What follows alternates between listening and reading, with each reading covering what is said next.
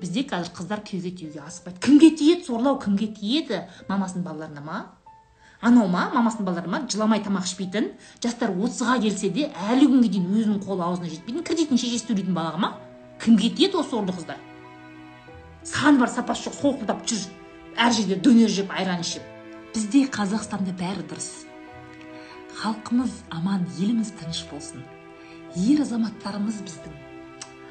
Қазақтың батырындай әлі де өздерінің ә, жаңағыдай күштерін жоғалтпаған ғой. Асыл ғой ер азаматтарымыз. Драма телефон бар. Драма салфеткалар бар. Ойнатамыз қазір жылаймыз неше түрлі болып. Бөпе бар. Сендер бөпелеріңді көрсететін кезде детский позициядағы байларыңды көрсеткен кезде. Фисташки есть. Что то соңғы кезде мен фисташка жемей қойдым че то вообще шығып кеттім жей беріп жей беріп мынаның бәрі жаңағы балалардың жаңағы новый годтағы нелерінен қалғандар тәттілер. Все все есть для счастья. Жиырма жасыма дейін ешкіммен жүрген жоқпын. Сөйлеспеген басқалар айтса біртүрлі болып қаламын не істеуге болады. Это нормально. Кім айтты саған жиырма жасқа дейін жігітпен жүру керек обязательно жүрмесең сотталасың деген біреу саған бірдеңе айтты ма ару? Это абсолютно нормально.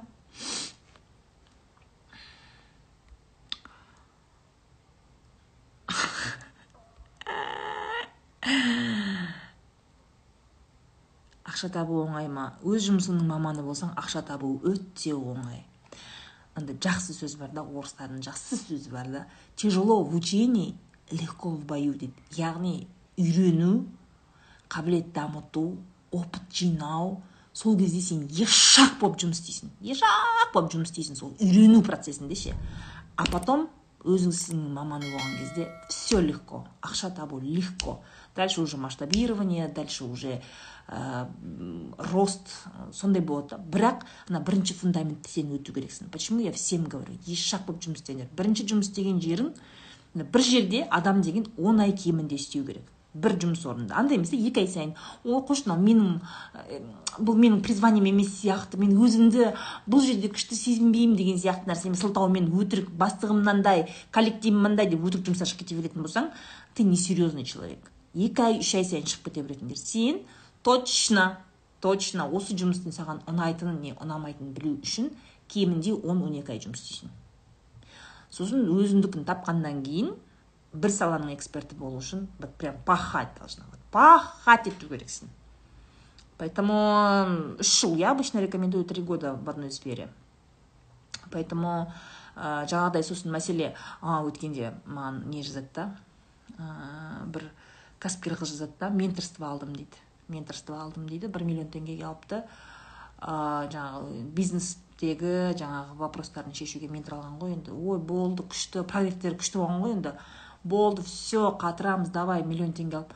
Сөйтіп алып проблемасын айтқан кезде ой ата анаңды кешір анау мынау деген ә, дұға жатта деген сияқты. Сондай бірінші класстың әңгімесі айтып жатқан кезде өзімнің лох екенімді лох екенімді сезіндім дейді то есть менторствоға адамдар почему то продают ә, какие то марафонский марафонский әңгімелерді жібереді да. Менторство деген это конкретный бизнес қой.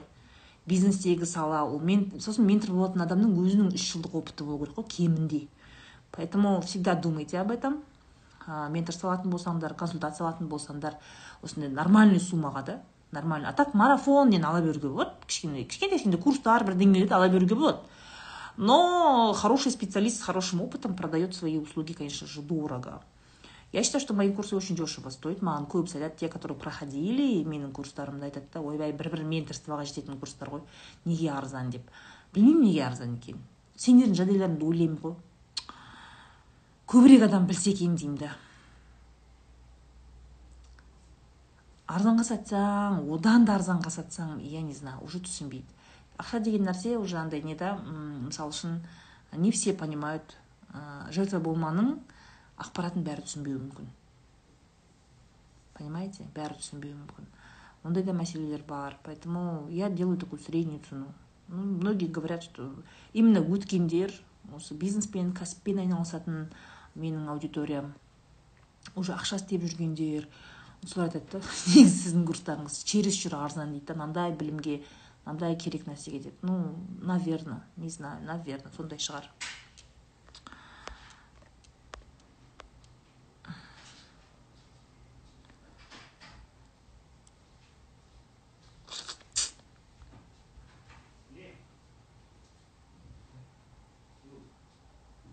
Ақшамды өзіме жақсы нәрселер алуға қимаймын. Неге олай? Кейінге черныйден болса да жинап қоямын лучше деп жүремін. Ол жаман ба? Дейді. Шынар надо исходить от своих желаний. И от своего приоритета. Дәл қазір саған не важнее? Не нәрсе важнее? Мысалы сен жақсы нәрсе деген не ол? Мысалы сен біреулер ну түсініп жатыр мысалы үшін шынар айтасың да өзіме жақсы нәрсе алуға қимаймын дейсің. Что это для тебя? Мысалы сен он бірінші айфонмен жүрсің да он бірінші айфон нормальный. Он офигенно работает да. Бірақ жаңағыдай жұрттар саған айтады да өзіңді бақытты сезінгің келсе өзіңді достойный қатын болып сезінгің келсе он үшінші кемінде он үшінші он төртінші айфон алу керексің. Өзіңе жақсы нәрселерге ақша қиюды біл деп айтады да мысалы. Ну у тебя одиннадцатый айфон он отлично пашет. Зачем? Да? Жақсы нәрсе алу деген не шынар сенің ойың бойынша? Не? Если сен өзіңді өзіңді ә, мысалға да не знаю качественный киімден иә жақсы іш киім киім өзіңе керек кремдерден өзіңе керек да жаңағыдай витаминдерден соған қимай жүрсең онда сен есің дұрыс емес. А если у тебя все базы вот эти вот все нормально но при этом сен жаңағы подружкаларың неше түрлі ментор подружкаларың психолог подружкаларың шынар ұят емес па оныншы он бірінші айфонмен ты что? Сен өзіңді жақсыға лайық көрмейсің шынар деген сияқты. Әңгімеге ермеу керек. Если тебе это не, не нравится как бы прямо сейчас тебе это не нужно не трать на это деньги. Вопрос в этом шынар. Не ол өзіме жақсы нәрсе деген. Давайте обсудим это. Что такое вот? Өзіме жақсы нәрсе деген не не нәрсеге ақша қимай жүрсің айтшы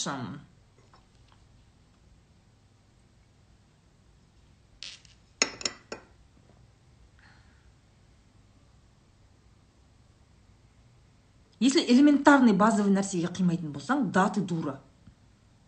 Мысалы да екі жылдан бері түрсие алмаған болсаң или я не знаю например қыз кезінде күйеуге тигенге дейін киіп жүрген лифчикпен жүрген болсаң онда сен ақымақсың шынар. Онда сен с тобой явно что то не так.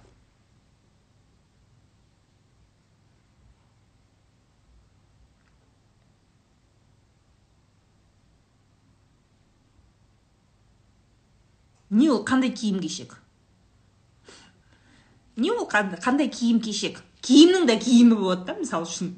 Не ол тойға баратын он бесінші көйлек па? Что это?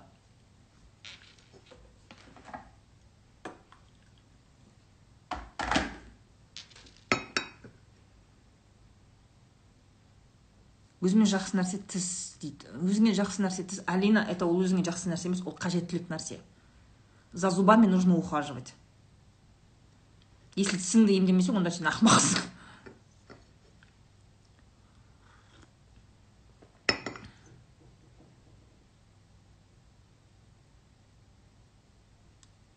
қарызымды қалай жабамын төлеп жабасың төлеп. Сумкам бар одан да жақсы бренд сумка дегендей. Тебе реально хочется ол жақсы сумканы? Мысалы сен я не знаю бір нормальный он бес мың теңгенің сумкасын ұстап жүрсің да? Но тебе подружки говорят. Подружкаларым отырмағанда кафеде шынар мә сен лохсың сонда сен әлі майкл корсың жоқ па? Е айтсайына байыңа. Туып жатсың ғой балаларың бір айлығыңнан қимай ма майкл корс әперуге саған или өзіңе қимай жүрсің ба деген сияқты сондай токсичный подружкалар болады ғой. Вопрос тебе майкл корс нужен или нет? Вопрос только в этом. Сумкаң жаңағыдай тесілген мынандай мынандай. Мына астын қайталап етікшіге апарып тігіп алып мына бұрыштары кертіліп кеткен сондай сумка ма? Қандай сумка если нормально ұстауға болады и тебе окей болатын болса онда окей шынар.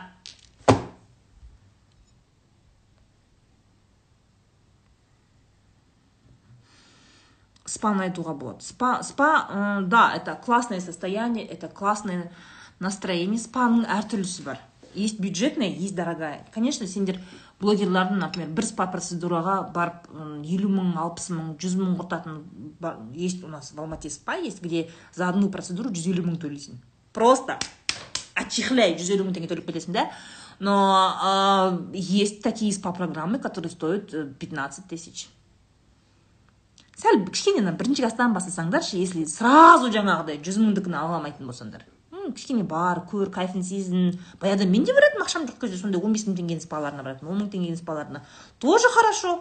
Кішкене олардың жаңағыдай ремонттары онша емес а так тура сол көк шайды береді. Тура сол жақсы косметикамен басыңды жуып массаж жасап береді. Тура сол жұмыс. Просто сәл андай лухари жерде тұрмайды да олар бір бір микрорайон сондай бір жерлерде тұруы мүмкін да бір расположениесі басқа жерде болуы мүмкін. Ну тоже спа. Вообще өміріңде спаға бармасаң соған қызығып жүрсең барып көруге болады. Сходи потом уже захочется мм это классно! Енді мен имбирға барайын. Он бес минуттікін көрдім енді мен имбиртайға барайын. Ол жақта жиырма бес па сондай бірдеңе. Не помню уже давно не ходила туда. Сондайға барайын. Сөйтіп жайлап жайлап жайлап планканы көтересіңдер. Не сразу же такие дорогие. Сәл ойлансаңдаршы сосын спа деген ну на один раз на состояние там мындай неге баруға болады енді бір күшті ақшаң көп болып жатса в основном я бы рекомендовала бы курс конкретно хороший бір массажный бар ғой жақсы бір именно мышцаларды ә, не істеп беретін мынандай бар ғой миофасциальный массаждар бар который вот в принципе мына мышцалардың бәрін бүйтіп орнына қойып кішкене мына молодость сохранить. Ететін сондай курс лучше я если вот у меня есть только определенное количество денег сеньорный болатын болсам да менде определенное количество денег есть. И менде выбор тұрады да или спаға бару или курс массажа алу. Я бы курс массажа взяла. Да то есть э, оттуда больше пользы. Пока сенде ақшаң аз кезінде надо приоритеты ставить туда где больше выгоды для тебя. Сен үшін көбірек выгода болатын нәрсеге приоритет қою керек. Жұрттар сөйтіп айтты екен деп токсичный подругаларым сөйтіп айтты екен деп шаба бермей.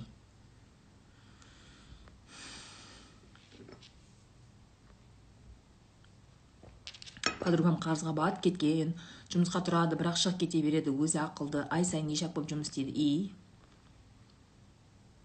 Каспи маркетплейсмен жұмыс істеген дұрыс па? Бәрі істеп жатыр ғой.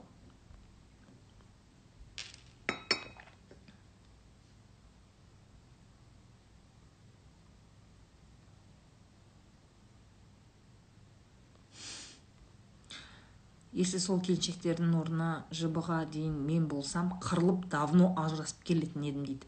Былай қараса экранға шыққандардай психолог айтқан ақылы жертва ғой дейді.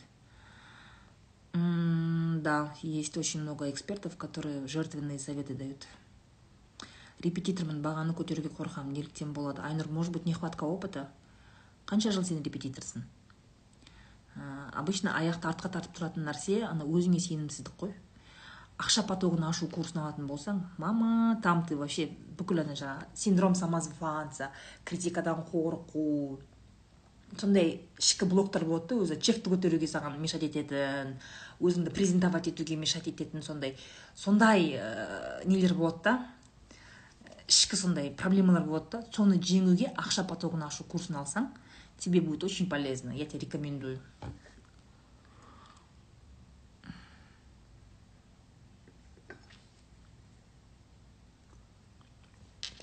Он үш про макс подарок жасады күйеуім. Енді оны сатып термомикс алғым келеді. Ол дұрыс па?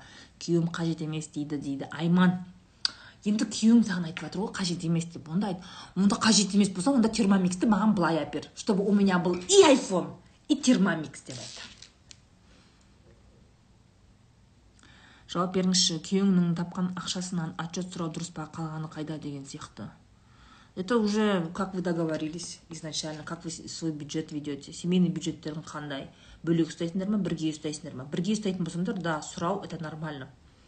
А если бірге ұстайтын болса это бөлек бөлек ұстайтын болсаңдар это ненормально.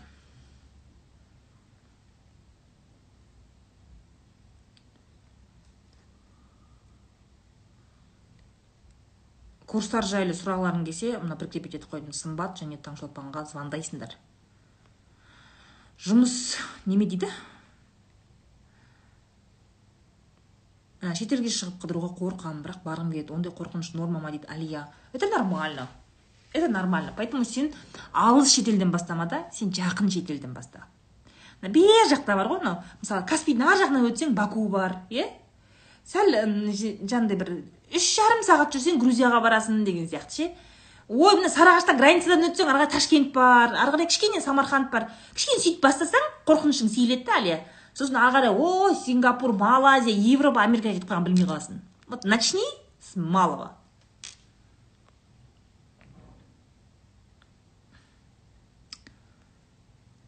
Біреу базарға барса мен де барғым келіп тұрады не істеймін надоел уже дейді. Е может сен сондай қабілетің бар шығар закуп жасай алатын. Закуп жасай алатын саудаласуға жаңағыдай саудаласып базарда ешкім білмейтін ең күшті нәрселерді тауып алатын ең мықты мейіздерді ең күшті білмеймін енді самый классный конфеттер ең арзан и самый классный конфеттерді барып оптом сөйлесіп сатушылармен там жаңағыдай қызыл кеңірдек болып саудаласып ең минимальный баға алып деген сияқты. Сосын киім базарына жіберсең де сразу қай жерде не бар бәрін білетін. Может сен сондай адам шығарсың? Зарабатывай на этом. Ты базарный байер короче. Прям я вот тебе стартап короче. Это тебе стартап. Сен өзіңнің услугаңды предлагать ет егер де тойға құдалыққа жаңағы сондай көпшілік нәрсеге сондай қонаққа үлкен закуп жасайтын болсаңыздар онда менің қызметімді қолдансаңыздар болады. Сіздермен жүріп бір сағатқа мынанша теңге ақша аламын бірақ та сіздерді ең мықты деген точкаларға алып барамын. Любой нәрсеңізге пландап уақыттарыңыз кетпейді. Грузчиктермен сөйлесіп таксисттермен сөйлесіп қалай жеткізу бәрін істеп беремін деп. Сен сондай базарный байер болсайшы дуамбекова. Жынды стартап вообще отлично сен соны сәт ма мен деген у меня же галоп бойынша менде идеяшн былай ғой мен любой нәрсеге идея тауып бере беремін. тұрмысқа шығатын жігітімнің зарплатасын сұрау дұрыс па? В смысле дұрыс па? Сен сұрау керексің?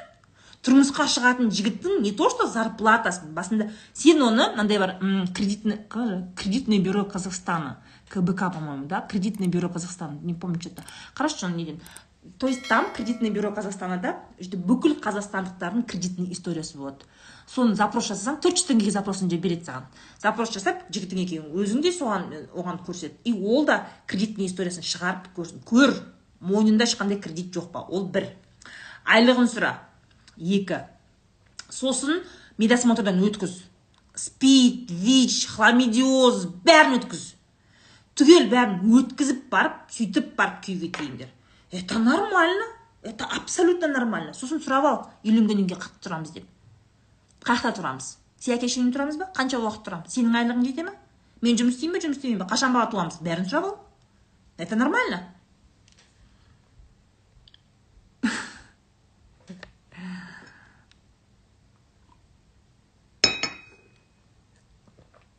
Менің подругамның жігітінің кредиті көп шыдашы деп айта береді. И? Амина живи свою жизнь. Тебе какая разница?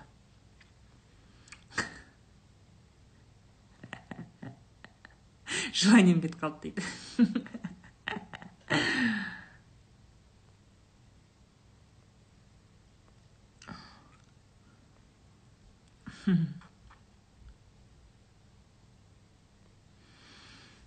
классно галопыңыз қандай менде галопта бірінші орында ideation екінші орында стратегия.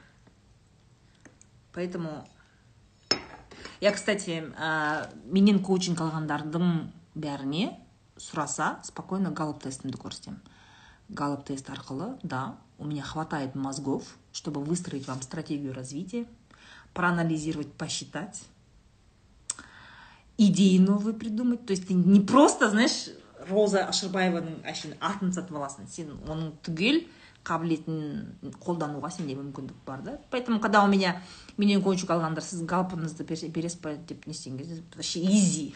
Пожалуйста. Кто кто но я должна быть ментором. Басқа басқа. Вот менде менторлық бар. Деген сияқты да? То есть оно у меня как бы по природе. Ақылы курстарыңызды алған огоньсыз ғой дейді меруерт. Рахмет. Болашақ күйеуім телефон тексереді соны қалай мәмілеге келсе болады дейді. Өзің енді позволять етіп тұрсың ғой изначально неғып позволять еттім. Ойбай алмай қалуы мүмкін телефонымды бермесем деп қорқып басынан сөйтіп үйретіп алдым енді қаныңды ішеді енді первое кредитное бюро. Во спасибо.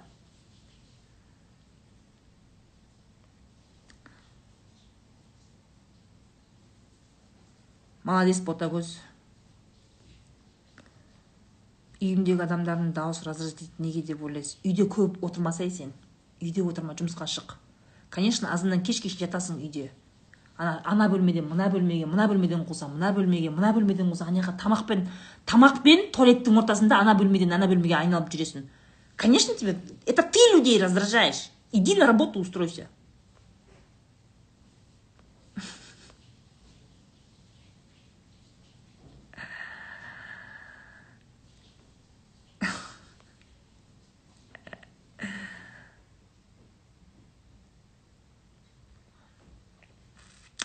До конца оқыңызшы дейді мықты курстарды білемін қатты қатысқым келеді бірақ студентпін ата анамнан ақша сұрай алмаймын. Қалай тапсам болады жұмыс істейін десем бірінші курспын оқуыма кедер ей ако қыңқылдай бермеші қыңқылдай бермеші 15 жаста 16 жаста мектепте жүріп те ақша істеп жатқандар бар ғой. Ыңырси бермеші. Жұмыс істеймін деген адам жұмыс тауып алады.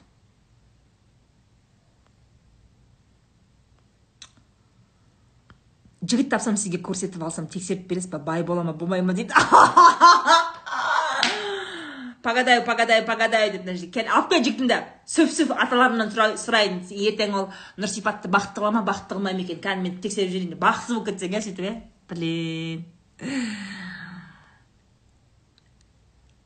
Роза ханым коучингіңіз қанша болады айта аласыз ба? Келесі жылға екі жарым миллион болады биыл бүкіл коучингтарымды бір жарым миллионмен жаптым енді екі жарым миллион болады роза ханым анам қатты ішеді қалай көмектесе аламын? Жүрегім ауырады ертең бірдеңке болып қала ма деп қорқамын бар жақсыны бергім келеді бірақ ішіп кетеді. Әйгерім ол енді сонша жасқа дейін келгенше ішіп жүрген болса сен жыласаң да басыңды тауға тасқа ұрсаң да ол қоймайды. Сондықтан да жаңағыдай ә, ішіп алған кезде ә, не қылу керек қой? Надо обеспечить безопасность. Жаңағыдай есікті ашып кетсең андай шығып кетіп сыртқа шығып кетіп далада суыққа барып тоңып қалып деген сияқты осындай ситуацияларға түспеуге жол бер жол бермеу керек та. Вот надо защитить ее ана бір ә, кім бар ғой? Білесіздер ма? Астанда блогер бар ғой алия есенова. Она вот сколько раз рассказывала про свою маму. У нее мама тоже алкоголичка была. Все время она же в астане живет мамасы семейде қалған. И ә, сіңлісі де астанаға келіп екеуі жұмыс істейді үй алады бала шаға алып все хорошо она могла бы она может обеспечить например свою маму. Астанаға қанша шақырады келмейді ғой мама міне отдельно саған квартира береміз. Келші осы жаққа жоқ келмейді. Ғой сол семейде өзінің үйреніскен ортасында ә, жаңағы ішетін өзінің компаниясы бар солармен бірге ей нормально было енді единственное конечно бүкіл жұмысы тіршілігі семьясы астанада болғаннан кейін они все время были с ней на телефоне на телефоне. Мама қайдасың мама қайдасың? Көршілер арқылы на телефоне были. Но потом они как бы она просто екі күндей ма не смогла дозвониться поехала мама уже мертвая то есть это выбор человека. Мать это выбирает и она не хочет из этого вылезать. Көмегімді көрсеткім келеді. Иә бір наркологияға апарасың үйтесің бүйтесің бірақ өзім қоймаса адам өзі қоймаса ол қоймайды. Просто контрольда ұстайсың қауіпсіздігін обеспечивать етесің болды. Анау әке шешең жынды болса байлап бақ деген осы басқа ештеңе істей алмайсың.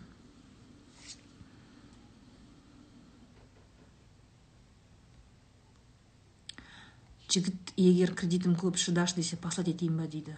Өзің біл. Может тебе кредитный парень нравится. Иә қызым он бесте жұмыс жасайды міне гүлек айтып отыр. Менің күйеуім даже баняға жалғыз жібермейді не істесем болады. Білмеймін. Осы уақытқа дейін шыдадың ғой ары қарай шыда енді бота. Басында күйеуге тиген кезде білдің ғой. Бір кірген жұмысыма шыдай алмай бір айдан соң шығып кеттім енді қайтадан сол жерге кіремін де бастығыма жазсам қалай кураторлық жұмыс дейді. Көр бәрін көр. Онда тұрған ештеңе жоқ. Сәл не қалдым да сол кезде ше шыдай алмай кеттім да. Бірақ түсініп тұрмын маған үйрену керек екен жауапкершілікті үйрену керек екенін түсініп тұрмын сол үшін қайтадан аласыз ба мен өзім попробовать етіп көрейін деп едім деп жаз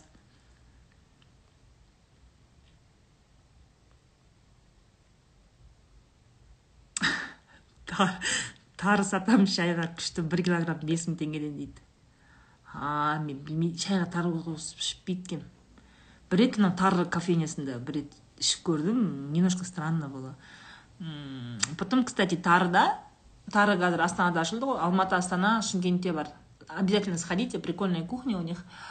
Там есть кофе именно тарымен мне нравится американо американо с тары мне очень нравится.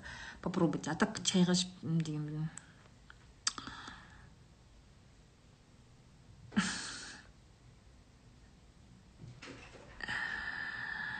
спасатель бола беремін ақшамды өзіме қимаймын. Істесем болады.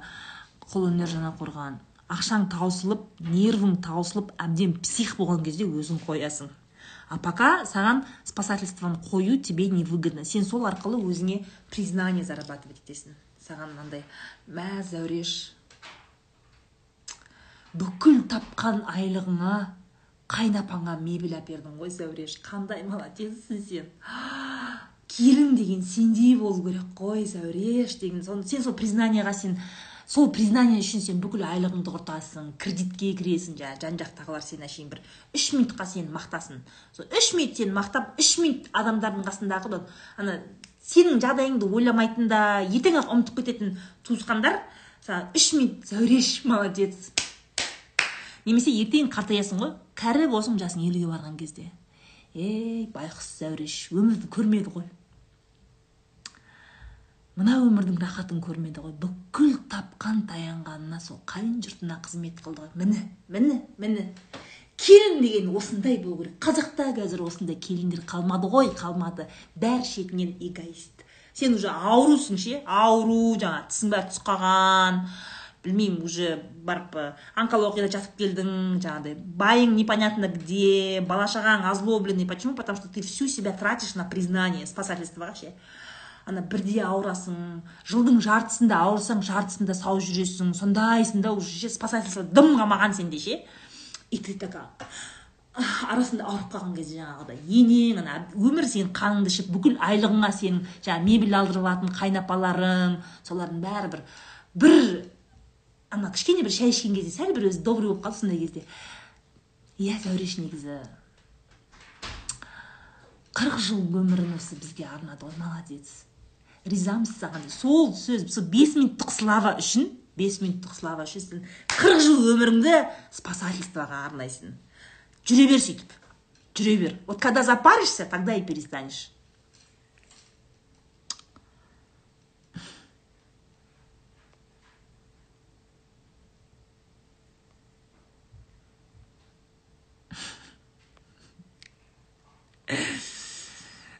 Осы уақытқа дейін істеп жүрген жұмысыма в один момент қалды проснулась чувство что я не хочу ни на кого работать дейді енді хочу уйти с работы. Но вопрос как найти свое предназначение? Кім ә, меруерт осы уақытқа дейін деген қанша ол? Үш ай ма? Үш жыл ма? Он жыл ма? Сен срогын айтып кетсей біреулер бар. Бә білмеймін енді. Өзімді таудан да тастан да іздедім. Баспаған тауым жоқ істемеген нәрсем жоқ. О таусылып қалдым. Е қанша жыл болды істеп жатқаныңа деген бақандай сегіз ай болды ғой. Бақандай сегіз ай болды. Мен түсіндім бизнес істеуім керек екен деген. Ондай әңгіме болмайды. Меруерт нормальный опыт жасасай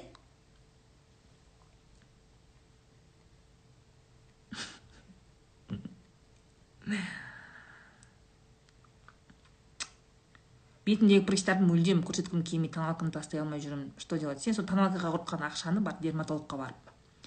Дерматолог эндокринолог негізі акне это ә, баяғыда баяғыда менің кезімде. У меня же тоже кожа неровная у меня всегда я всегда страдала акнеден. И сейчас страдаю. Ә, баяғыда менің кезімде менің жас кезімде это как меня лечили? Мамам и косметолог неге дерматологқа апаратын еді и эндокринологқа апаратын еді да гормональный таблеткамен гормональный таблеткамен емдейтін еді баяғыда осыдан құдай ау жиырма жыл бұрын жиырма жиырма бір жыл бұрын да әлі де сөйтіп емдейтіндер бар екен. Негізі акненің прямой несі жаңағы причинасы ол ішекте және бауырда. Тамақты жөндеу керек ішек құрылысын жөндеу керек. Сол кезде ол жөнделеді. Нормальный нутрициологқа ақша жинап барып емдел тоналкамен сен емделмейсің.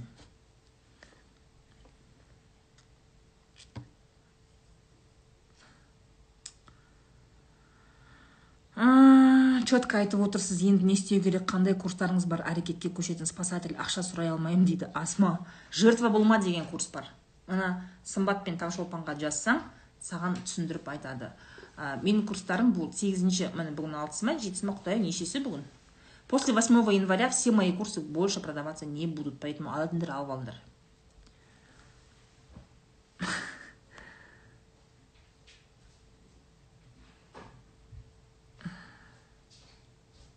бала жоспарлағанды неге енелер түсінбейді лишь бы жыл сайын тусаң жағасын. Жоспарымызда пока жоқ десең жаман келін болып қаласың. Айнұр а почему ты оправдываешься? Почему ты оправдываешься? Вот сендер күйеуің екеуің шештіңдер ма? Вот вы с мужем решили что у вас будет перерыв 3-4 года. Вы вдвоем это решили. Почему в вашу постель или извините за выражение э, тебе туда лезет чужие чужие люди. Енең жаңағыдай екі бұттың ортасына қарап қашан айнұр? Қашан? Қайда? Қайда? Қайда? десе сен сонда сен сөйтіп сұраса айта бересің ба? Қашан туасың? десе пока не планируем демеді вообще не объясняй ничего. Болмай жатыр дейсің болмай жатыр құдай как бог даст алла береді алла береді сол кезде болады деп қой. Болды жоқ ол сұрақ қойса сен ақталып біз пока пландап жатқан жоқпыз ол менің ғана идеям емес. Сіздің балаңыз да сондай идея айтты негізі. Ене тыңдаңызшы десе. Сен қатам ене олай емес тыңдаңызшы деп отырасың ба сонда айнұр? Айт құдай берген құдай берген кезде болады де все ответ закрыт. Ол енді енең барып претензия етпеді құдайға.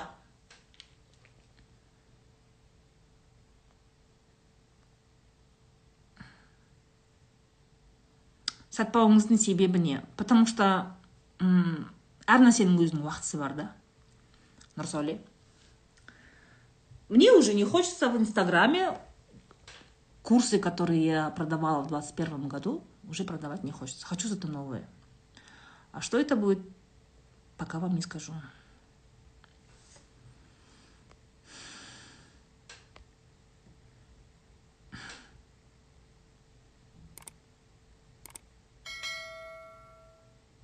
Өзімнің жасап жүрген жұмысыма құлшыныс жоқ интерес жоқ басқа жұмыс жасағым келеді бірақ бірақ деген сөздер бар. Ақтолқын өзің жасап жүрген жұмысыңа қанша уақыт болды? Үш ай төрт ай ма қанша болды?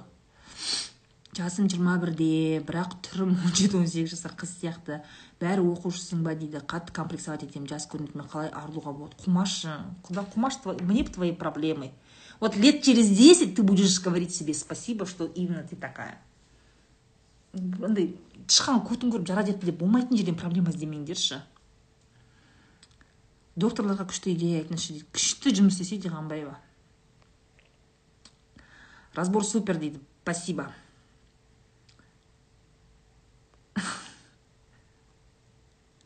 Өтірік айтуға болмайды енесіне.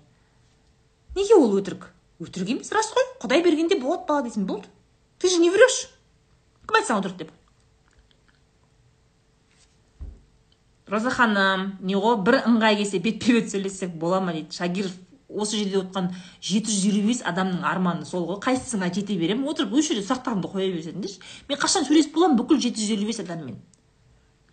Ол бүкіл сендердің бәрінің армандарың сол. Мен білемін. Өзім қоймайды ма? Мен білемін. Мен білемін сендер қалай менімен сөйлескілерің келетінін әңгімелеріңді айтқың келетінін бәрін білемін.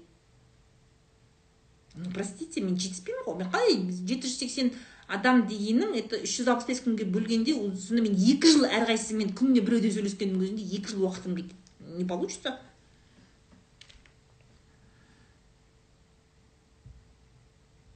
Маған да автобуста детский мадит иә де?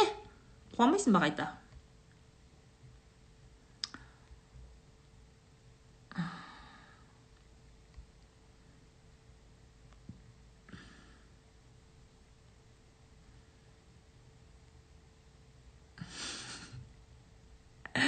кітап сатамын дейді роза ханымда не ғой кино түсірейік роза ханым сіз басты рөл дейді ойбай киноға шақырыңдаршы мені күшті ойнатып беремін мен любой персонажды ойнатып беремін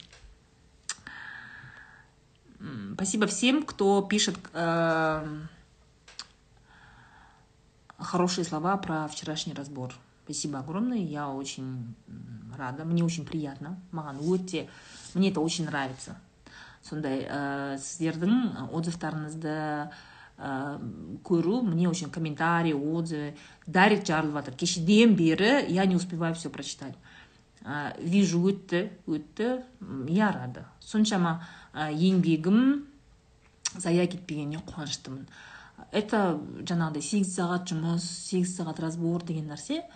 Ә, да это большая работа. Бірақ бұл маған ұнайтын жұмыс та. Я от него кайфую. Я прям кайфую от такой работы. Енді всегда қолым тие бермейді осындай бір тыңғылықты отырып бір ол сегіз сағат еще тек қана монтаждап сторисқа салу ғой. Оның алдында сен ойланасың сен дайындаласың сен ана киноны көріп анализ жасайсың. Былайша қарағанда бір екі күндік жұмысың кетеді кәдімгідей. Поэтому ә, иногда уақытың бола бермейді. Сондықтан да актуальныйдағы қазір уже төртеу болды. Төрт разбор болды киноразборлар көріп алыңыздар. Әлі де жалғастырамын деп өз өзіме сөз беріп отырмын. Келесі кино наверное будет день сурка это один из моих любимейших фильмов. Я его обожаю. Тоқсан бірінші жылғы кино по моему обожаю этот фильм. Мен мне кажется вообще жаңағыдай ә, саморазвитие туралы алғашқы кинолардың бірі шығар деп ойлаймын. Или мен бірінші көргеннен кейін сондай ма? Короче классный фильм. Наверное этот фильм буду разбирать. Сосын бір какой нибудь бір диснеевский мультикті хочу разобрать но единственное я боюсь авторских прав. Неге соңғы кездегі соңғы шығып жатқан немесе соңғы бір екі үш жылда шыққан киноларды разбор жасауға қорқамын. Өйткені инстаграмда да жаңағыдай защита прав бар да интеллектуального права есть. Кейбір ә, кинолар кейбір мультфильмдерді сондай ұзағынан салатын болсаң блокқа тығады сені. Рисковать страницы я не могу, надо будет посмотреть, а, Куру Герек, но хочется вот какой-нибудь один диснеевский мультик, я еще не выбрала какой. И, наверное, ну, сол День сурка, наверное. Диснеевский мультик, она Как ее зовут вот это вот? Ми... Миринда ма еді мерида ма еді анау шашы оранжевый который в стрелы ана а, еркек шора қыз туралы может быть его сделать? Хм. нравится мне персонаж просто нравится. Жасминді аладдинді не хочу разбирать. Там вот эта инфантильная девчонка папасының қызы мына басында миы жоқ ана бір ұры басында миы жоқ принцесса? Какой то бір көшеде жүрген қасында маймылы бар? Ұрыға ғашық болады да. Что там такого романтичного я не понимаю. Кеше ғана разбордағы не сияқты ғой ана байдың қызы сильвия мен кім сияқты ғой уилл сияқты ғой. Я не понимаю такие браки эти браки они несчастливые. Когда они әртүрлі э, статустағы адамдар үйленген кезде ондай отбасылар бақытты емес чаще всего разводится өмірде ондай ситуациялар өте көп. Да да да.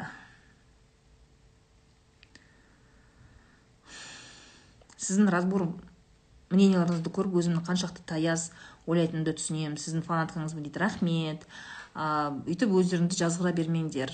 Большинство людей смотрят фильмы понимают фильмы так как они есть. Не каждый смотрит их именно думая. Я краснею? Нет кому по моему мы его разбирали. Не ему не хочу. Нет не не. Храброе сердцем во во во сол.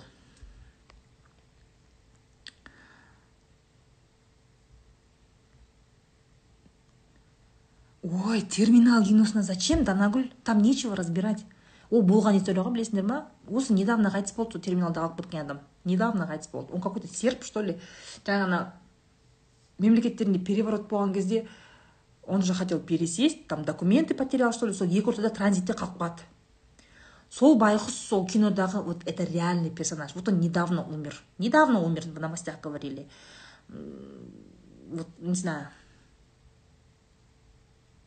Иә мириданың проблемасы көп қыздарда бар деп ойлаймын ой там мне кажется мы будем разбирать отношения с родителями соны миридан аламын ғой деймін если меня не блокнут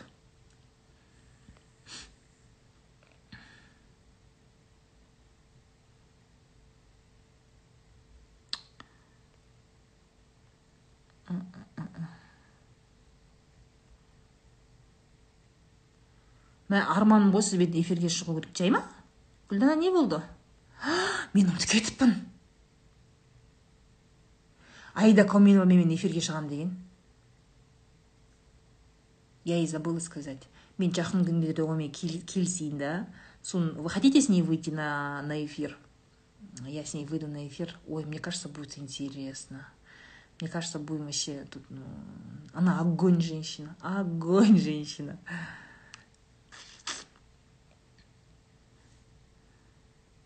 Ирония судьбыға я передумала делать. Хотела істегім келмей қалды тым бақыт авто дубай. Передумать етіп қалдым қойшы ескі кино. Настроение түсіп кетті. Өзім көріп отырған кезде нервім ойнап кетті бар ғой негізі. Баяғыдан ұнамайтын сол кино. Не үшін разбор жасаймын деп бірінші басында сөз беріп сосын передумала и правильно сделала.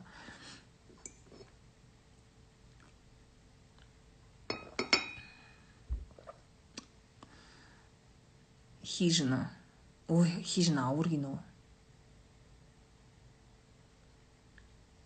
Сақтаңызшы тойда отыр дейді. Саны хорошо айтсаң болды.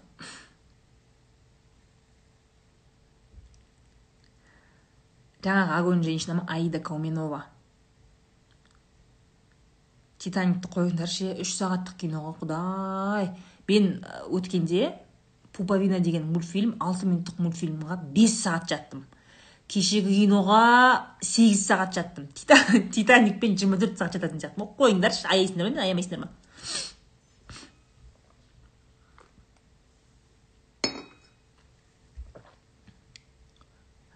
Паразиты примерно кешегідей тема ғой примерно похожи. Э, бәрін қайдан білесіз дейді білмеймін я не знаю. Я иногда сама удивляюсь. Мен негізі біраз сондай интервьюларға шығамын ғой деймін. Мені интервьюларға шақырсаңдаршы неше түрлі подкаст бірдеңелерге. Мен любой темаға сөйлесе беремін білмеймін неге мен ондай нәрсені білетінімді я не знаю. Еще в студенчестве все говорили роза сенен самолеттің запчастьін айта беретін шығарсың дейді да примерно авиационный конструкция жайлы кішкене оқығаным бар деп қоясың ғой. Мысалы үшін ше баяғыда құрсын футбол я даже в футболе разбиралась. В олимпийских видах спорта. Құрсын оның бәрін қойдық қой. Потом уже интерес пошел в бизнес. Раньше вот всякое могла смотреть, читать все вообще обо всем. кейін уже жұмысқа керек нәрсе бизнеске керек нәрселерді не істегеннен кейін больше сейчас бизнес кейсы мне нравится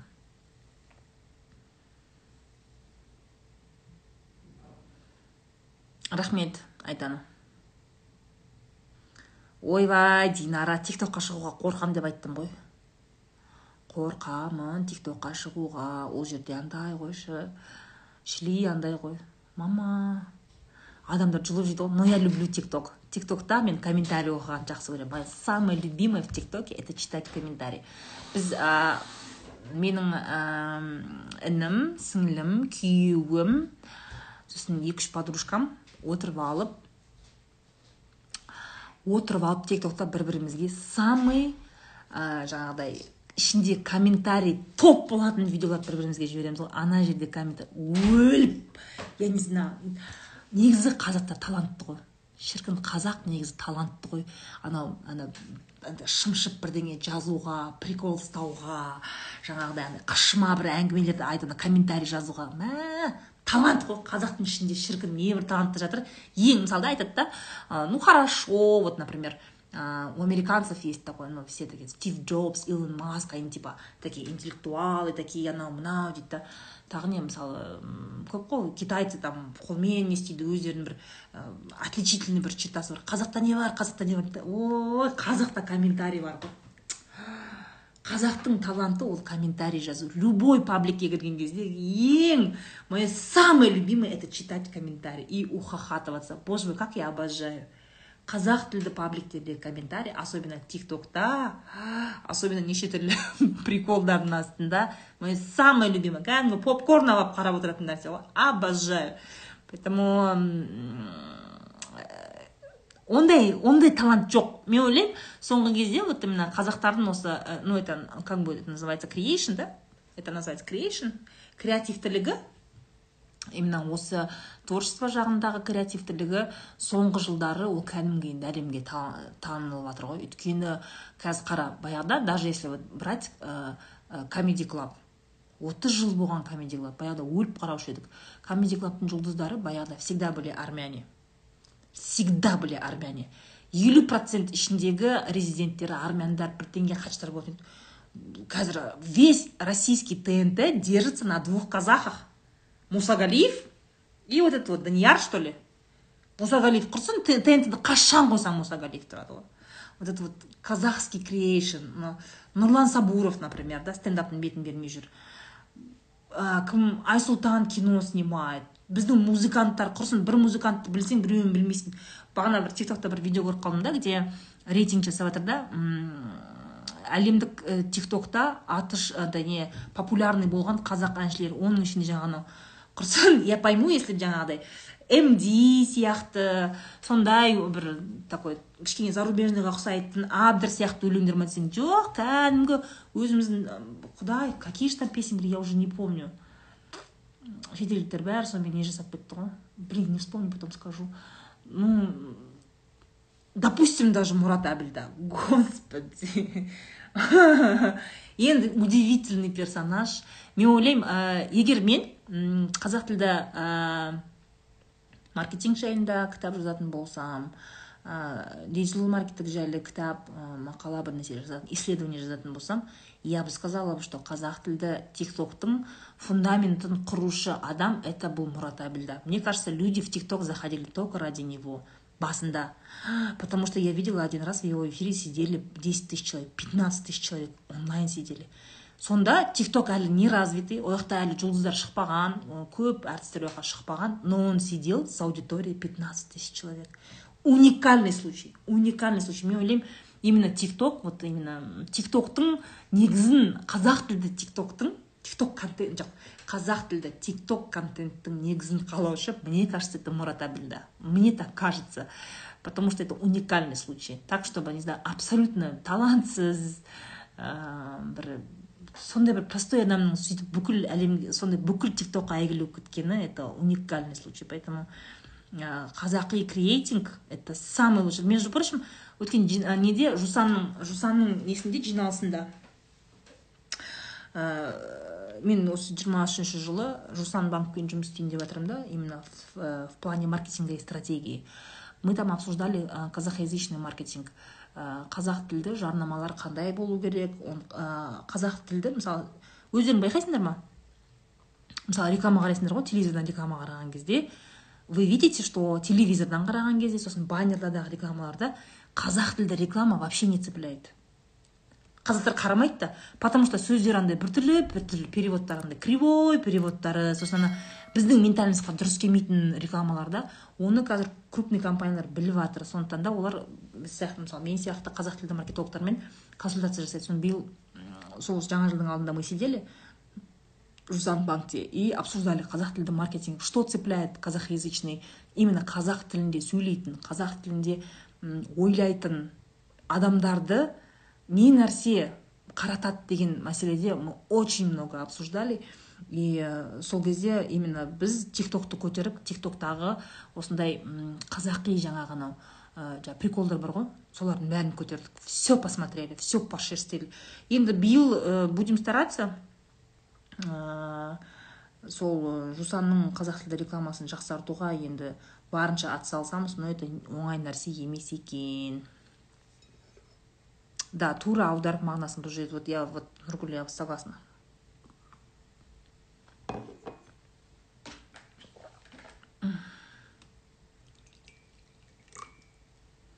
Қазақтарды ақша қаратады. Вот ботагөз вот дұрыс айтасың да.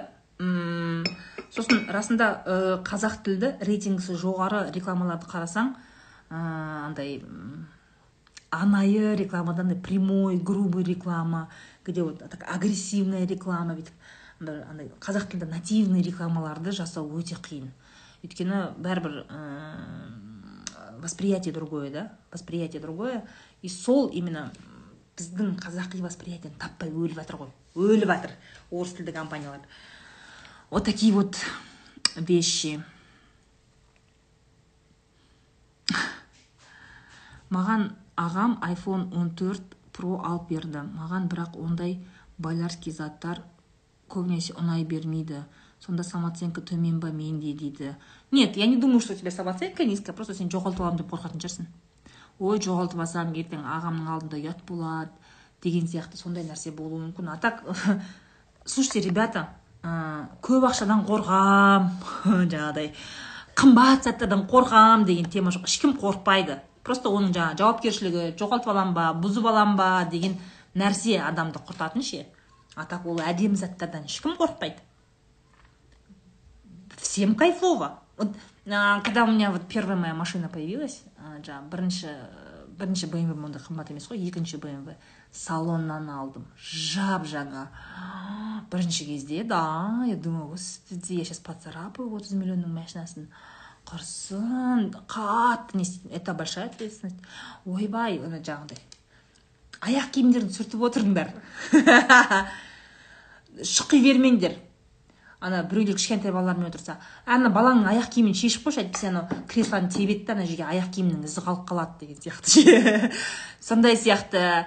То есть это нормально когда у тебя впервые появляется дорогая вещь ты начинаешь нервничать. Ойбай не болады екен деп та вот.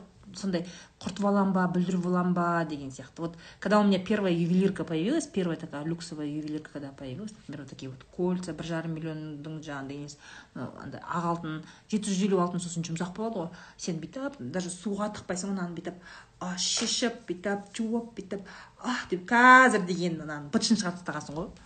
Она вся в тарапинах избитая тарс тарс еткізіп. Тас осымен ыдыс жуып деген сияқты жүре бересің да. То есть бірінші кезде жаңа қымбат затты алған кезде жаңағыдай бүлдіріп алмауға қорқу это нормально. Это абсолютно нормально. Поэтому самооценкам төмен сияқты өз өзіңе өтірік диагноз қоя бермей расслабьтесь.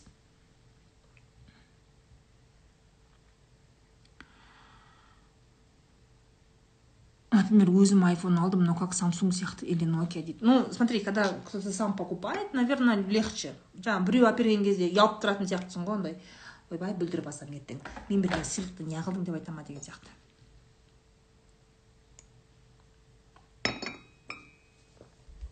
Сіздің сағаттарыңыз ұнайды маған өте әдемі. Рахмет. Маған да ұнайды.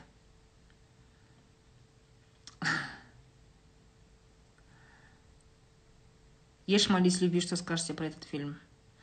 Ну, это хороший такой красивый фильм для женщины, у которой много денег. Обычная женщина не сможет позволить себе а, есть в Италии, молиться на Бали и встретить свою любовь где-то там еще. Я что там молилась? А, в Индии, молиться в Индии и встретить свою любовь. Э, э, смотрите, она была настолько богатой женщиной, что могла себе позволить год, год не работать и путешествовать. Понимаете? Неше ай бойы тамақ жеп жатады қыдырып тамақ жеп неде италияда. Одан кейін индияға ашрамға барады. Извините это тоже деньги. А потом сен балиде тұрасың да. Вот ты ничем не занимаешься ты, ты не работаешь в это время. Значит и сен ештеңені уайымдамайсың да. Яғни сен бір жыл шетелде лағып жүруге сенде ақша море деген сөз да. Это красивая история для женщин у которых много денег ол біздің қазақтарға болмайды. Біздің байғұс қыздар күйеуге тиген кезде біздің артымыздан келетін сол ә, жаңағы бір не спальный гарнитур. Ана оюланған сандық. Ә, не сосын бір диплом қолыңда қалың мал алсаң алдың алмасаң оның әке шешең алды. Саған бермейді ол қалың малды сосын кішкене кішкене тойдан түскен алтын болды. Сен онымен еш молись люби бола алмайсың сен никак. Ол біздің менталитетке келмейді ол кино. Әдемі ертегі көруге болады. Ну извините.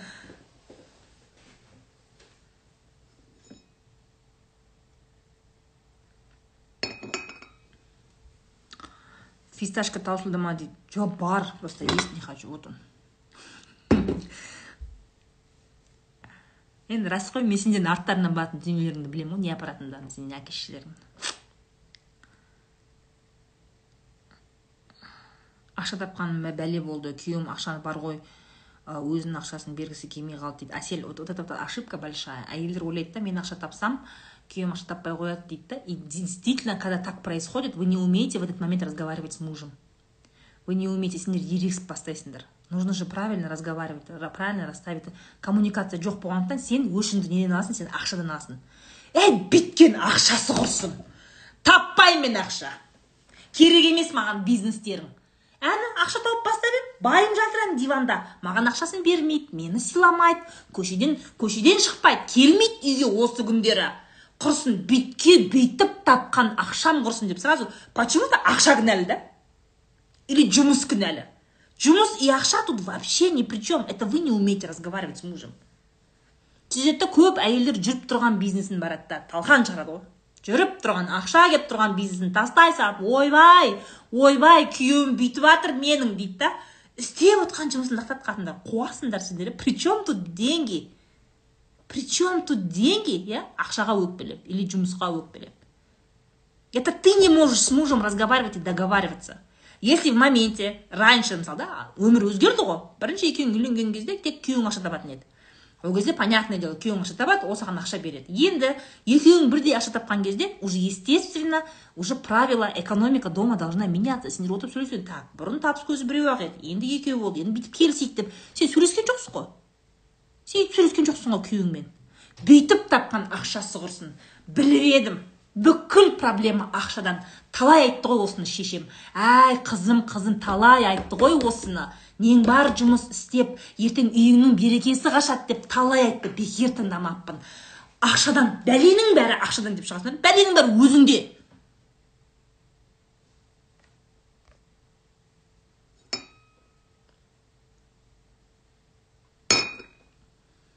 Роза ханым бір күндік тамақ менюңізді айтыңызшы дейді. Арайым там такой бардак у меня я могу где то в кафе покушать в ресторане покушать у родителей покушать. Дома редко могу поесть. Сондай да сосын мен күніне екі ақ тамақ ішемін.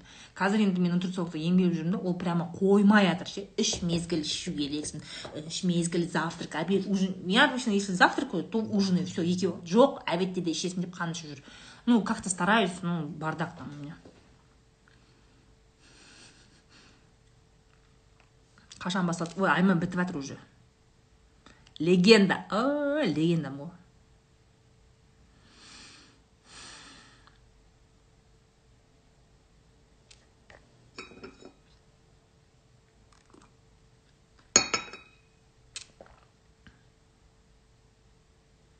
роза ханым жігіт басынан сөз өткізбесе дұрыс па? Дұрыс емес.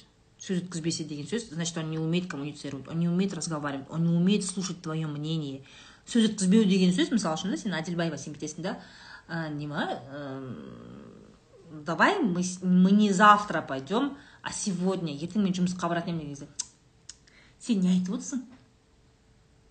Еркекті сыйламайды екенсің. Мына түріңмен сені кім алады менен басқа? деген сияқты. Жігітің сондай әңгіме айтатын болса ол сөз ана не басынан сөз өткізбеу деген мәселе емес. Человек не умеет контактировать не умеет разговаривать. Ертең қалай тиесің оған байға? Құрт ондай жігіт сөйле қазір сөйлесе алмайсың ба тиме ертең жүдеп кетпейді ол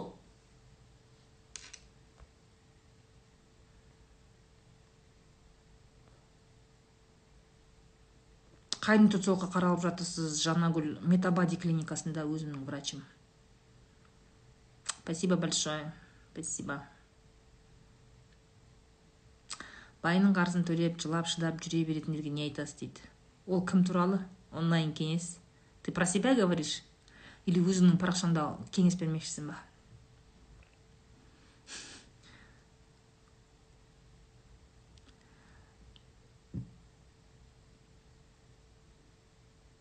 қандай жігіттермен жүру керек адекватный жігіттермен жүру керек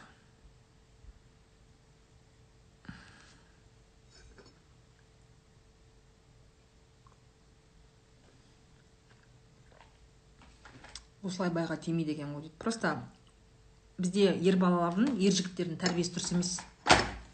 Өкінішке орай өкінішке орай көп ер жігіттердің тәрбиесі дұрыс емес. Шешелерінің миларын улап тастаған ғой. Улап тастаған миларын жеп тастаған. Ер бізде көп жігіттер ойлайды мен үйленсем ә, әйелді үйге алып келемін. То есть я жену беру не для себя для своей семьи деп ойлайды а так отношения не строятся. Тәрбие дұрыс емес ұл балалардың көбісінде. Самостоятельный жігіттер бар көп емес олар. Но они есть очень классные парни самостоятельные. Өз аяқтарында өздері нық тұрады жас болса да. Тірлікке икемі бар мамсиге емес жауапкершілік ала алатын. Серьезный жігіттер де бар но большинство тәрбиелері нашар. Біздің қазақтың қатындары балаларын дұрыс тәрбиелемейді.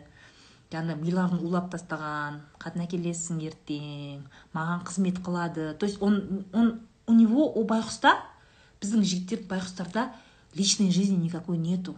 Он даже не понимает. Мақұл мен үйленемін хорошо мен үйленемін ол әйелді мен әке шешеме алып келсем сонда маған не қызығы қалды түнде жатқаннан басқа.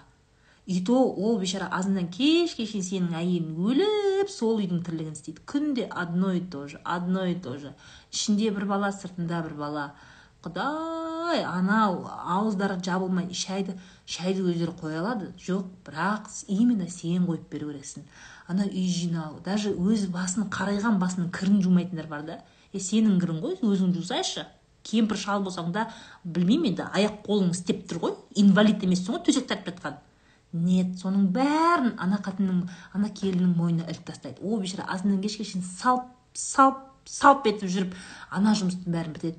Естественно ол кешке қарай жатқан кезде у нее нету сил заниматься сексом со своим мужем. И она такая басым ауырып жатыр шаршадым анау мынау и он злится. А он злится. А что ты злишься на себя то изначально сен қатынды кімге алып келдің өзіңе алып келдің ба ты должен был с ней жить. Это ты должен был с ней жить. Это она должна была тебе по быту помогать. Тебе сенің әке шешең емес саған үйдің тірлігіне екеуің бірге үйдің бытовой вопросты екеуің бірге шешу керек едіңдер а не вот это вот сен жаңағы қатынды алып келесің үйге отырғызып қоясың да? Өзің жаңағыдай не жұмысқа барасың не достарыңмен қаңғып кетесің. Ана байғұс балам да туып жатады үйдің тірлігінде ойбайлап жүрген сол. И то все недовольны. Вы еще качественный секс хотите? Оны бермесе ана бывшыларын іздеп шығасыңдар. Алтынай алтынай бывший ана класстастардың чатында отырасың шығады жаңағыдай берік молодец. Қандай жігіт едің кезінде? Әлі де өзгермепсің деп ана бывшийларың шыққан кезде блять кетесіңдер ғой естерің ауып ана қатын отырады үйде. Шашы май май болып сенің бала шағаңды туып мына жерінде сүт қатып мына жерде уже нервтан нерв қалмаған сенің ана қайнапаларың жын қылып оны түтіп тастаған уже. Болды нерв қалмаған какой какие отношения какая любовь какой секс еб твою мать. Қараса ана алып келген кезінде біреудің үкілеп отқан қызын алып келдің үйіңе не болды ал не болды? Ал не істедің? Күн қылып бітірдің ғой оны. Тауық қылып түтіп жеп қойды ғой туысқандарың еще женой своей недоволен. Ақша сұрай береді бірдеңе не істейсің өзің басында қатын дұрыс алған жоқсың ғой. Вот бізде жігіттердің вот қазақ жігіттерінің тәрбиесі дұрыс емес. Өте аз вот достойный жігіттер өте аз к сожалению. И не надо удивляться что бізде қазір қыздар күйеуге тиюге асықпайды кімге тиеді сорлау кімге тиеді? Мамасының балаларына ма? Анау ма? Мамасының балалары ма? Жыламай тамақ ішпейтін жастар отызға келсе де әлі күнге дейін өзінің қолы аузына жетпейтін кредитін шешесі төлейтін балаға ма? Кімге тиеді осы сорлы қыздар? Саны бар сапасы жоқ солқылдап жүр әр жерде дөнер жеп айран ішіп делать нехрен бір жерде жұмыс істесе бір екі ай жұмыс істейді. Көп болса екі ай жұмыс істейді. Сосын ой андай екен мынандай екен киімін жумайтын жігіттер бар ғой киімін жумайды они почему то думают что киім жуу это унизительно. Е өзіңнің киіміңді жуып өзіңнің тамағыңды істеу это не унизительно. Это нормально. Қара өзіңнің тазалығыңа. Шомыл жуын киіміңді ретте өзіңнің. Нет для них это уни почему? Потому что шешесі сөйтіп тәрбиелеген. Ойбай ойбай ойбай ойбай берікжан этот не жаңағы бүкіл әпке қарындастары сол берікжанның берікжанның киімін тазалайды ол берікжан өмірінде мынаны кесе төкіп көрмеген. Неге ұл бала үйдің тірлігін істемейді? Істесін пылесос ұстасын ыдыс жусын. Что за херня вот это все конечно қыздарға қыздар қалай тиеді күйеуге жаңағыдай мамсиктерге қолдарына дым келмейді. Не нормальный жұмыс істей алмайтын жігіттер. А таких вот сколько? Міне мынаншама. Қазір қыздар қандай епті? Бесіктен бері шықпай құрсын жұмыстан жұмыс қалдырмайды. Әке шешесінің кредитін өздері ең жұмысқа тұрды жұмысқа тұра сала әке шешесінің кредитін төлейтіндер бар. Е ол байға тимей ма? Ол қарым қатынас қаламай ма? Жігітпен жүргісі келмей ма? Қыздармен қыдырғысы келмей ма? Для кого она зарабатывает деньги? А ер балалар жатады жасы отызға келгенше әке шешесі әлі күнге дейін кредитке машина әпереді оған. За кого замуж выходить? Твою маттың жігіттері жиналсаңдаршы осы жерде отырған жігіттер бар ма? Естеріңді жиыңдаршы кішкене.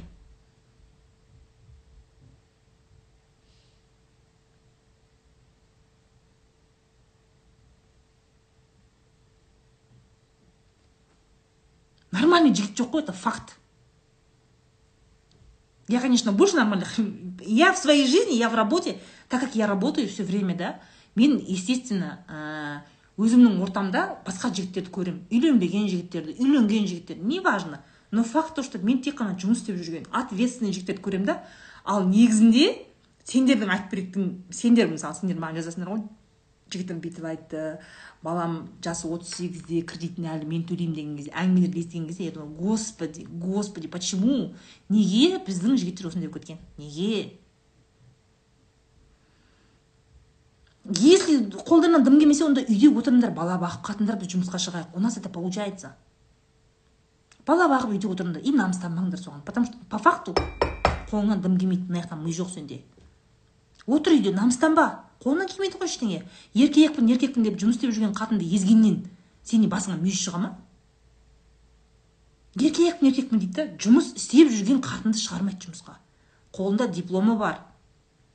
Бірнеше тіл білетін кезінде магистратураны оқыған қыздарды небір долбоебтер алып алады да сосын жүреді жаңағыдай. Істемейсің жұмыс.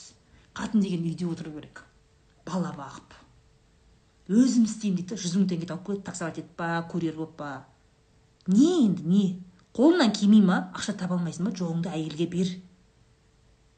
Кому ты делаешь хуже? Иә бала шағаң сол кедейлікте жоқшылықта өсіп жатыр. Сен ақша таппай жатрсың ғой. Бер әйелге жолыңды. Сөйт та үйдің тірлігін сен қара. Онда тұрған ештеңе жоқ. Тамақты істеу қатты дейміз. Ол құдайға шүкір қазір ютубты ашсаң неше түрлі рецепттер бар. Қара үйрен тамақ істеуді үйіңді тазалап отыр қатының тауып келсін это абсолютно нормально. Мына заманда мына заманда ақшаны істей алатын адам істеу керек. Қолыңнан келмей ма қатынды бер жолы жолың, жолыңды бер қатынға. Не не ақша тап? Не үйде отыр? Өтірік көшеде қаңғып жүрмей. Типа бірдеңе істеңесіп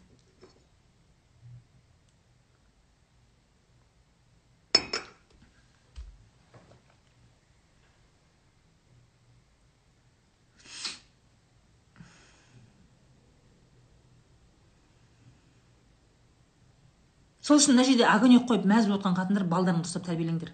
Ертең ұлдарың осындай бір бір қызды сорлатып отырмасын десеңдер балалардың тәрбиесімен айналасыңдар жұмыс істесін үйдің тірлігін істесін.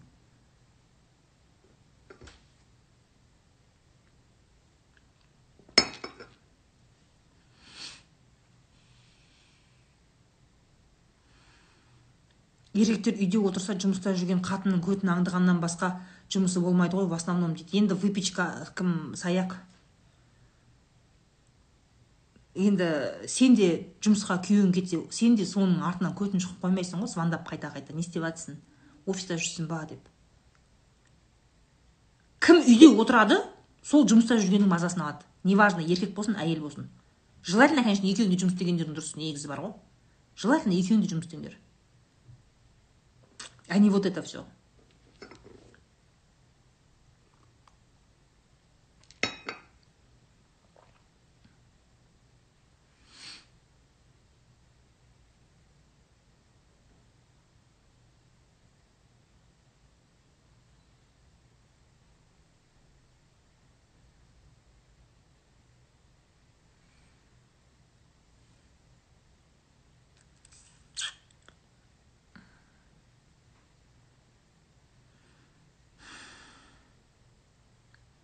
просто бар нәрсені бар жоқ нәрсені жоқ деп айту керек та. Өтірік жаңағы мүләйімсіп бар проблеманы жаңағыдай жоқ бізде қазақстанда бәрі дұрыс.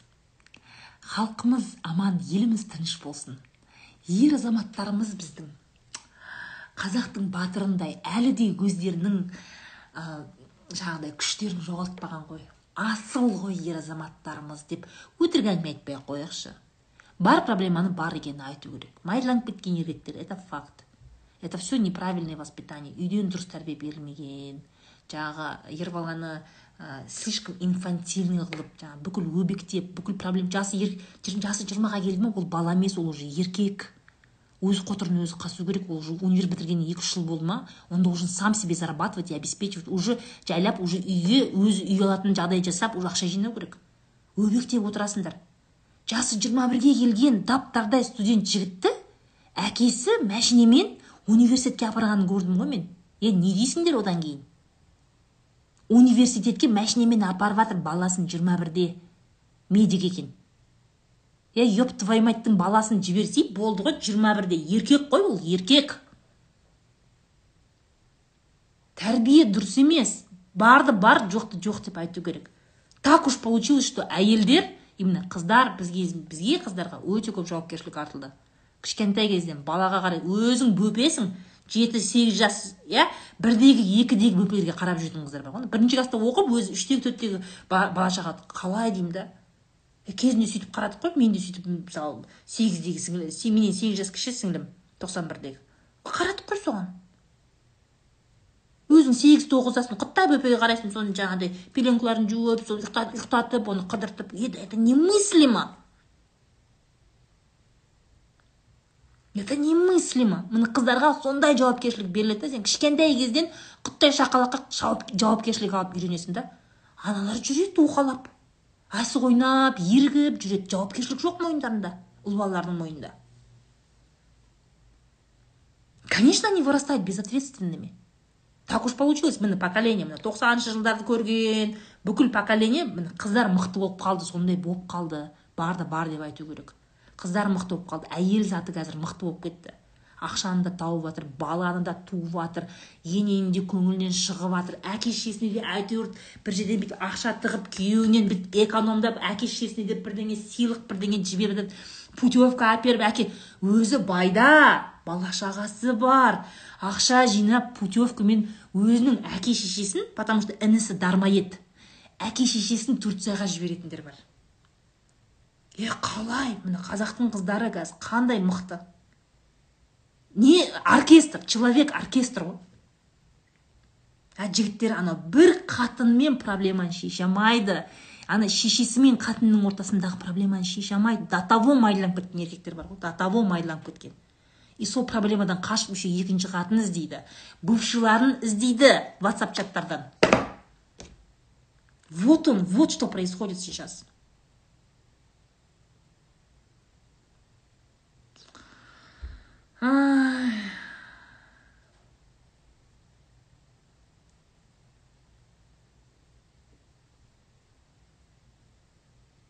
Әркімді вот амина правильно говоришь. Қатынымен проблемасын шешуге қарындастарын қосады шешесін қосады. Твою мать қатынның істейтін нәрсесін істейді да бір андай нағыз ер мінезділік қайда кетті?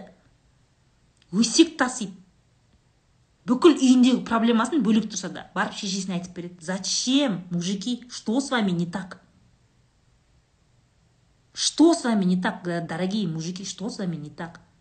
Неге сен әйеліңмен болып жатқан немесе сенің үйіңдегі сенің мына ыдыс аяғыңның ортасындағы болып жатқан әңгімені үйіңе тасисың? Есің дұрыс па сенің?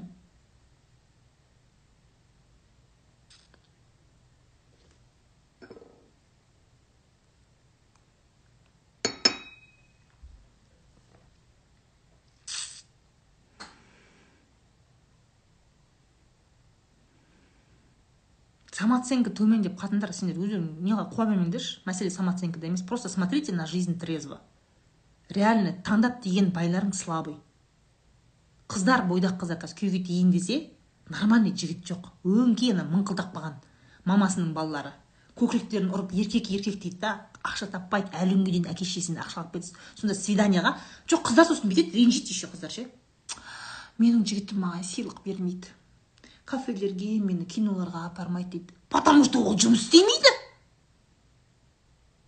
потому что ол жұмыс істемейді таптардай еркек уже қызбен жүретін еркек. Жұмыс істемейді шешесінен әке шешесінен алады ақшаны ұялмайды еще қызбен жүреді қыздар я вам еще раз говорю. Жұмыс істемейтін жігітпен жүрмеңдер жұмыс істемейтін жігіттер жалғыздықтан өлсін? Жүрмеңдер ондай жігіттермен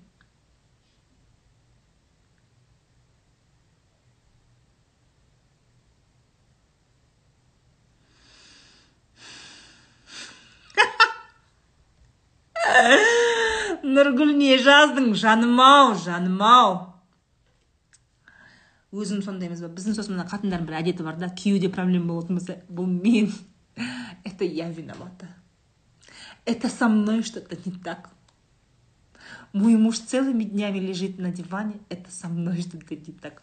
Қумаңдаршы қатындар қумаңдаршы это с твоим мужиком что то не так при чем тут ты? Единственная твоя ошибка то что сен потакаешь все время. А мен күйеуім жолы болмай жүрген сияқты. Оған мен кінәлі сияқтымын деп ше өзіңмен өзің бүйтіп қуыстана бересің да бір тиіп жұмысқа құртсай қуып жібер үйден.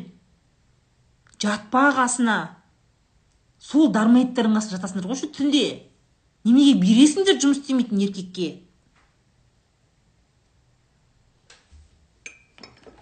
Неменеге аяйсыңдар осы уақытқа дейін? Саған келгенге дейін ол жігіт этот не ол жігітті шешесі. Әлдиледі. Енді сен әлдилеп жүрсің да еще. Әлдилеп сен короче сенің байыңды шешесі осы уақытта жасы жиырма беске келгенше саған үйленгенге шейін әлдилеп жүрді да шешесі ше. Ойбай! Сен берікжанның тамағын уақытылы бер. Киімін үтіктеу оның. Сосын біздің берікжан үйде шаң жатса түшкіре береді. Үйдің шаңын уақытылы тазалап от лағман жақсы көреді қолдан созылу керек. Сосын кеспе көже ол да қолдан жайлу керек магазиннің лапшасын сөйтіп мынандай бүйтіп баласын бүйтіп әлдилеп жүрген баласы саған береді да. Сен сен оны қабылдап аласың да сосын сен әлдилейсің да. Ой берікжан ема сен жұмыс істемейсің ба десе жоқ бастықтарым ұнамайды жұмыс а дейді сосын өзің бүйтіп инстаграм қарап отырасың да. Күйеуің жұмыс істемесе онда әйелі кінәлі деп жатыр мен кінәлімін ба сонда? Жоқ берікжан кінәлі емес. Мен кінә менің самооценкам төмен. Мен женственная емеспін. Дейді да это у тебя муж долбоеб он дармоед он всю жизнь лялькой был. Всю жизнь шешесінің қойнында лялька болып жүрді да. Енді сен де оны дәл қағып отырсың да былайша сосын барып өзің телефоннан көріп аласың да. Это я проблемная. Мен женственная емеспін.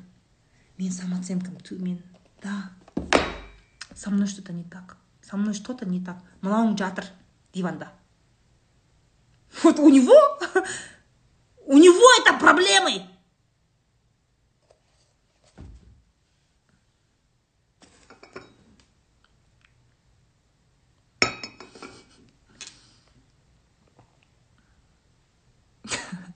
Я не могу дышать маткой. Мен оған ұл туып бермедім жылда қыз қыз туған сайын чувство вины. А, мен ұл туып бермедім берікжаныма деп твою мать. Вообще пол ребенка определяется именно продуктом мужчины. Оны еще шаршап жыл сайын қыз туасың. Ол жерде қыздарыңды травмировать етесің ғой еще. Аттарын жаңағыдай. Дейді андай аттар қойсын сенде ұл бала тағы не ұл болсын. Сосын анандай бар ғой анау. Тоқтат доғар деген аттар бар ғой неше түрлі. Тоқтасын жоқ тоқтасын ұлдарға ғой. Қыздарға сондай типа да тоже стоп слово бар ғой. Имя которое стоп слово қыздарға қоятын. Ұл бала ұл болсыннан басқа тағы қалай еді мынау? Как же было ұл бала жоқ жоқ жоқ одан андай ше? Не не не ол мекен нет это все другое. Ана ана стоп слово тоқтататын ше типа тоқтасын деген сияқты қыздарға да қоятын бар ғой. Құдай. Жаңыл жаңыл жаңыл жаңағыдай қыз туыла берсе жаңыл деп қояды. Байғұс сол мысалға да тоқтагүл дейді. Тұрсынай. Вот это вот. Сондай унизительный қанағат вот. Сондай унизительный аттарды қойып қоясыңдар да қыздарыңа ше вы травмируете себя каждый год рожая, несмотря за своим здоровьем. Вы травмируете своих дочек, құдайдың берген алтындай қыздарыңды психологический травмаға не аттарын ұл бала ұл болсын жаңағы доғар тоқтат жаңыл деген аттарды қойып ше. Но при этом твой берекжан идеальный. Он идеальный. Періште ол есіктен кіріп кезде деген андай свет шығып му музыка да он, он періште ол. Идеальный. Это с тобой что не так? Сенің самооценкаң дұрыс емес иә қатындар көздеріңді ашыңдаршы кішкене. Кішкене реальностьқа тіке қарауды үйреніңдерші пожалуйста если твой муж не работает проблема в нем. Ответственность на себя брать не надо. Сен жаңағыдай женственный болмағаннан матка дышать ете алмағаннан неден емес. Өзің ойлашы сенің қаншама функционалың бар. Конкретно сенің әйел адам да вот өзің ойла. Сенде қаншама функционал бар. Тамақ үйдің тазалығы баланы туу оны тәрбиелеу қайын жұртқа қызмет өзің туысқандармен связь ұстап отыру жұмысқа шығу міне жеті функционал бар сенде жеті функционал бар. Жұмыс істейсің еще да? Е мынау не істеп жатыр? Не істеп жатыр? Өзінің әке шешеден жаңағы шешесіне қарындастарына әпкелеріне сөз тастағаннан басқа не істеп жатыр? Мынау жұмыс істесе жаңағы шығып қала береді жұмыстан мынау не істеп жатыр? Баланың тәрбиесіне қатыспайды тамақ істемейді үй жинамайды. Ана сасық нексиясын шұқығаннан басқа не істейді басқа? Сасып кеткен ана равон нексиясын шұқығаннан басқа. Но но но но твой берекжан идеальный еще түнде бересің оған. Кішкене ә, трезво қараңдаршы өмірге. Трезво салыстырыңдар да что ты делаешь и что конкретно он делает. Если он делает мало значит он какой-то не такой не ты.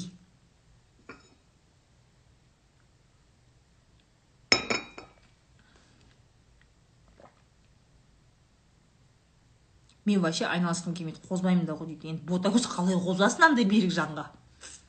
Сасық нексиясын шұқығаннан басқа өсек тастағаннан басқа өтірік жұмыс азғантай ақша алып келетін еркекке қалай бергің келеді сенің? Қалай? Ой ақшаны бүйтіп мына бүйтіп салфеткасынан шығармаса бүйтіп сені ақшамен орап алтындар әперіп екеуің бірге қыдырып жүрсең қалай бересің иә ботагөз ой бергенде де от қылып бересің ғой. Ақша таппайды не бересің оған как мотивировать деген сөз сұрақ қоймаңдаршы маған е топас басында ми болмаса сен оған мотивация бере алмайсың.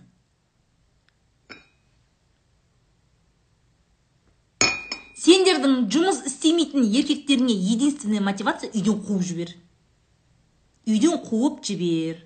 И ана ішің күймесін да ойбай қазір басқа қатын кіргізіп алады оны деген ше. Кіргізіп кіргізіп алады ой даже үстіне ақша қосып ақша қосып берсе үстіне мына дармаевтан мен басымды басымды менің неғып берші? деп. Құтылыңдаршы мен мен мына проблемамды алып беріңдерші мынаны мен үстіне ақша қосып берейін алып кетіңдерші мынаны деп ше. Жұмыс істемейді сол сол басқа қатын үйіне кіргізіп алса да содан бір байып кете ма не он жағдай күштеп кете ма? Он жағдай күштеп кетпейді ғой тура сол сенің басыңдағы проблеманы басқа қатын алып кетсе үстіне ақша қосып бер несін оны қимайсың қуып жібер үйден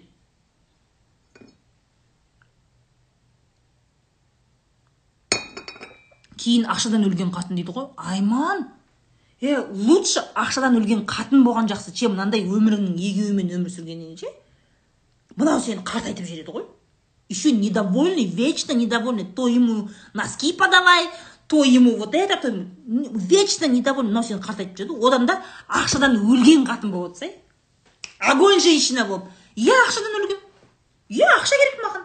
Извините мен үш бала тудым мынаның бәрін кім мен жалғыз өзім асырай беремін ба? Хорошо өзім асыраймын онда мен ақшадан өлген қатын болуым керекпін потому что мына балаларға мен не беремін ертең? Мен еш жақ болып жұмыс істеуім керек. Извините мен ақшадан өлгем ана жаңағы қайын жұртың звондап неғылған кезде не могу извините не могу жұмыста жүрмін а бекжан бара берсін. Қолы бос қой. Сасық нексиясын шұқылағаннан басқа дым істемейді мен жұмыс істеп жатырмын а бала кім жасайды? Сіздің балаңыз жасап жатқан жоқ. Все разговор короткий.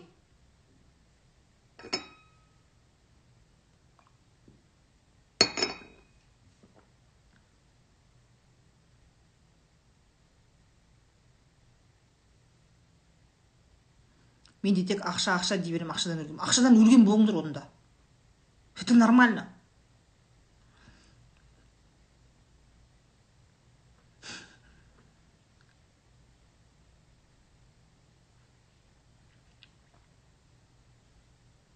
Су ішіп отырмын а еркектің жұмысын жасамау керек даже лампочка ауыстырмау керек қолыңнан келсе де шкаф стол диван дегенді көтермеу керек күш болса да дейді кім? Қалай десем болады? Еркек әйел еркектің жұмысы әйелдің жұмысы деген нәрсе жоқ қой. Көздеріңді ашсаңдар кішкене реальностьқа бүйтіп қараңдаршы. Вообще гендерное разделение труда вот гендерное именно жынысына қарай жұмыстың бөлінуі ол тек қана кейбір ауыр жұмыстарда болмаса а так бытта күнделікті бытта күнделікті өмірде еркектің әйел жұмысы деп бөлінбеу керек ешқашанда ешқашанда кейбір әйелдер реально қолына балға ұстап алып бірдеңе қағып бірдеңе шұқылаған. Не істейді енді? Жоқ күйеуім істесін вот ей нравится. Бір лампочка шұқылаған тиім мысалы үшін маған ұнайды. Мен баяғы баяғыны чудо печкаларды үтіктеп шұқылап отырдым мне всегда нравилось это. И жоқ. Күйеуім істесін әйтпесе мен ә, мен істемеймін әйтпесе мен еркек болып кетемін. Істемеймін деп отырмаймын ғой мне нравится я это делаю. Понимаешь? И муж делает. Екеуміз бірге істейміз. Не бывает такого. Тек еркектің жұмысы тек әйел. Әйел тек қана тамақ істеу керек. Еркек тек қана лампочка сен лампочканы күнде ауыстырмайсың ғой тамақты сен күнде үш рет істейсің. Это что за несправедливость? Извините меня. Это что за несправедливость? Сен үйді күнде пылесос ұстайсың ал лампочка извините ол күйген кезде бір. Үш айда төрт айда лампочка бұрады екенсің да. Или немесе бір ә, жаңағыдай үйде бір мебель ауыстырып не істеген кезде сонда бір жылына бір ақ рет ол мебель сонда қалған уақытта ол не істейді сонда ол? Не істейді басқа уақытта? Ыдыс жусын ол да. Тамақ істесін вы такие интересные еркектің жұмысы не ол не қазір міне дәл қазір міне бәрің бір бір квартирада тұрасыңдар даже жер үйде тұрғанның өзінде. Не еркектердің жер үйде тұратындар еркектердің не. Күнде заборды қағып ана құлаған жерін краскілеп ана шөптерді тазалап күнде істеп жатыр ма не? Күнде істеп жатыр ма сол еркектерін еркектің ойбай еркекпіз дейді. Соны істеп жатыр ма? Істеп жатқан жоқ қой жер үйде тұратындар. Балғадай өздерің қарайсыңдар ғой ешшақ болып бәрібір кім аймаш сиыр сауа сиыр саууға шығасың ғой бәрібір. Шөбін беріп өзің ана қораны құлттай салшы деп өзің істейтін жұмысын саған артық қояды ғой. Ешақ соны істеп келесің ғой барып нет такого разделения. Еркектің жұмысы әйелдің жұмысы деген нәрсе жоқ. Ұмытыңдар. Кімнің қолынан не келеді соны істейсіңдер. Понятно? Мысалы мастер по волосам. Әйел болу керек па еркек болу керек па? Без разницы. Тігінші әйел болу керек па еркек болу керек па? Без разницы. Космонавт әйел болу керек па еркек болу керек без разницы. Водитель без разницы. Без разницы абсолютно. Нет такого. Еркектің жұмысы әйел ойбай қатындар өліп бара жатсаңдар да ауыр столды жылжытпаңдар күйеуің істесін деп өтірік әңгіме айтпаңдаршы пожалуйста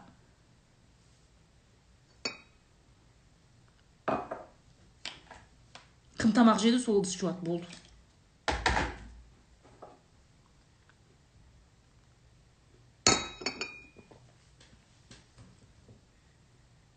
Нексия өзбектің машинасы бүкіл қазақ мініп жүр ғой нексияны бүкіл қазақ мініп жүр ғой нексия равон тағы не жаңағы шевроле малибу одан сәл жоғарылар акцент кия рио айтады тойота корола одан сәл жоғарылар пятидесятка пятьдесят пятый камри енді нормальный лакшерилар енді камри жетпіс бес жетпіс айдайды да ол жақсы ақша табатындар сол камри сондай табады да айдайды да сосын ой вообще мощныйлар кетеді ғой ланд крузер триста деген сияқтылар да. Машинасына қарап еркегі ғой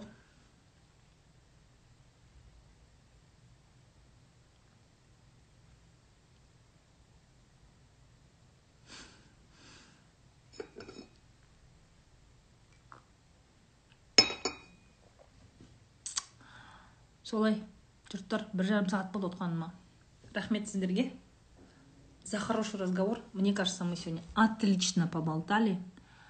Біраз жаңағы мұңымызды шағып жырымызды жырлап жамандайтынды жамандап.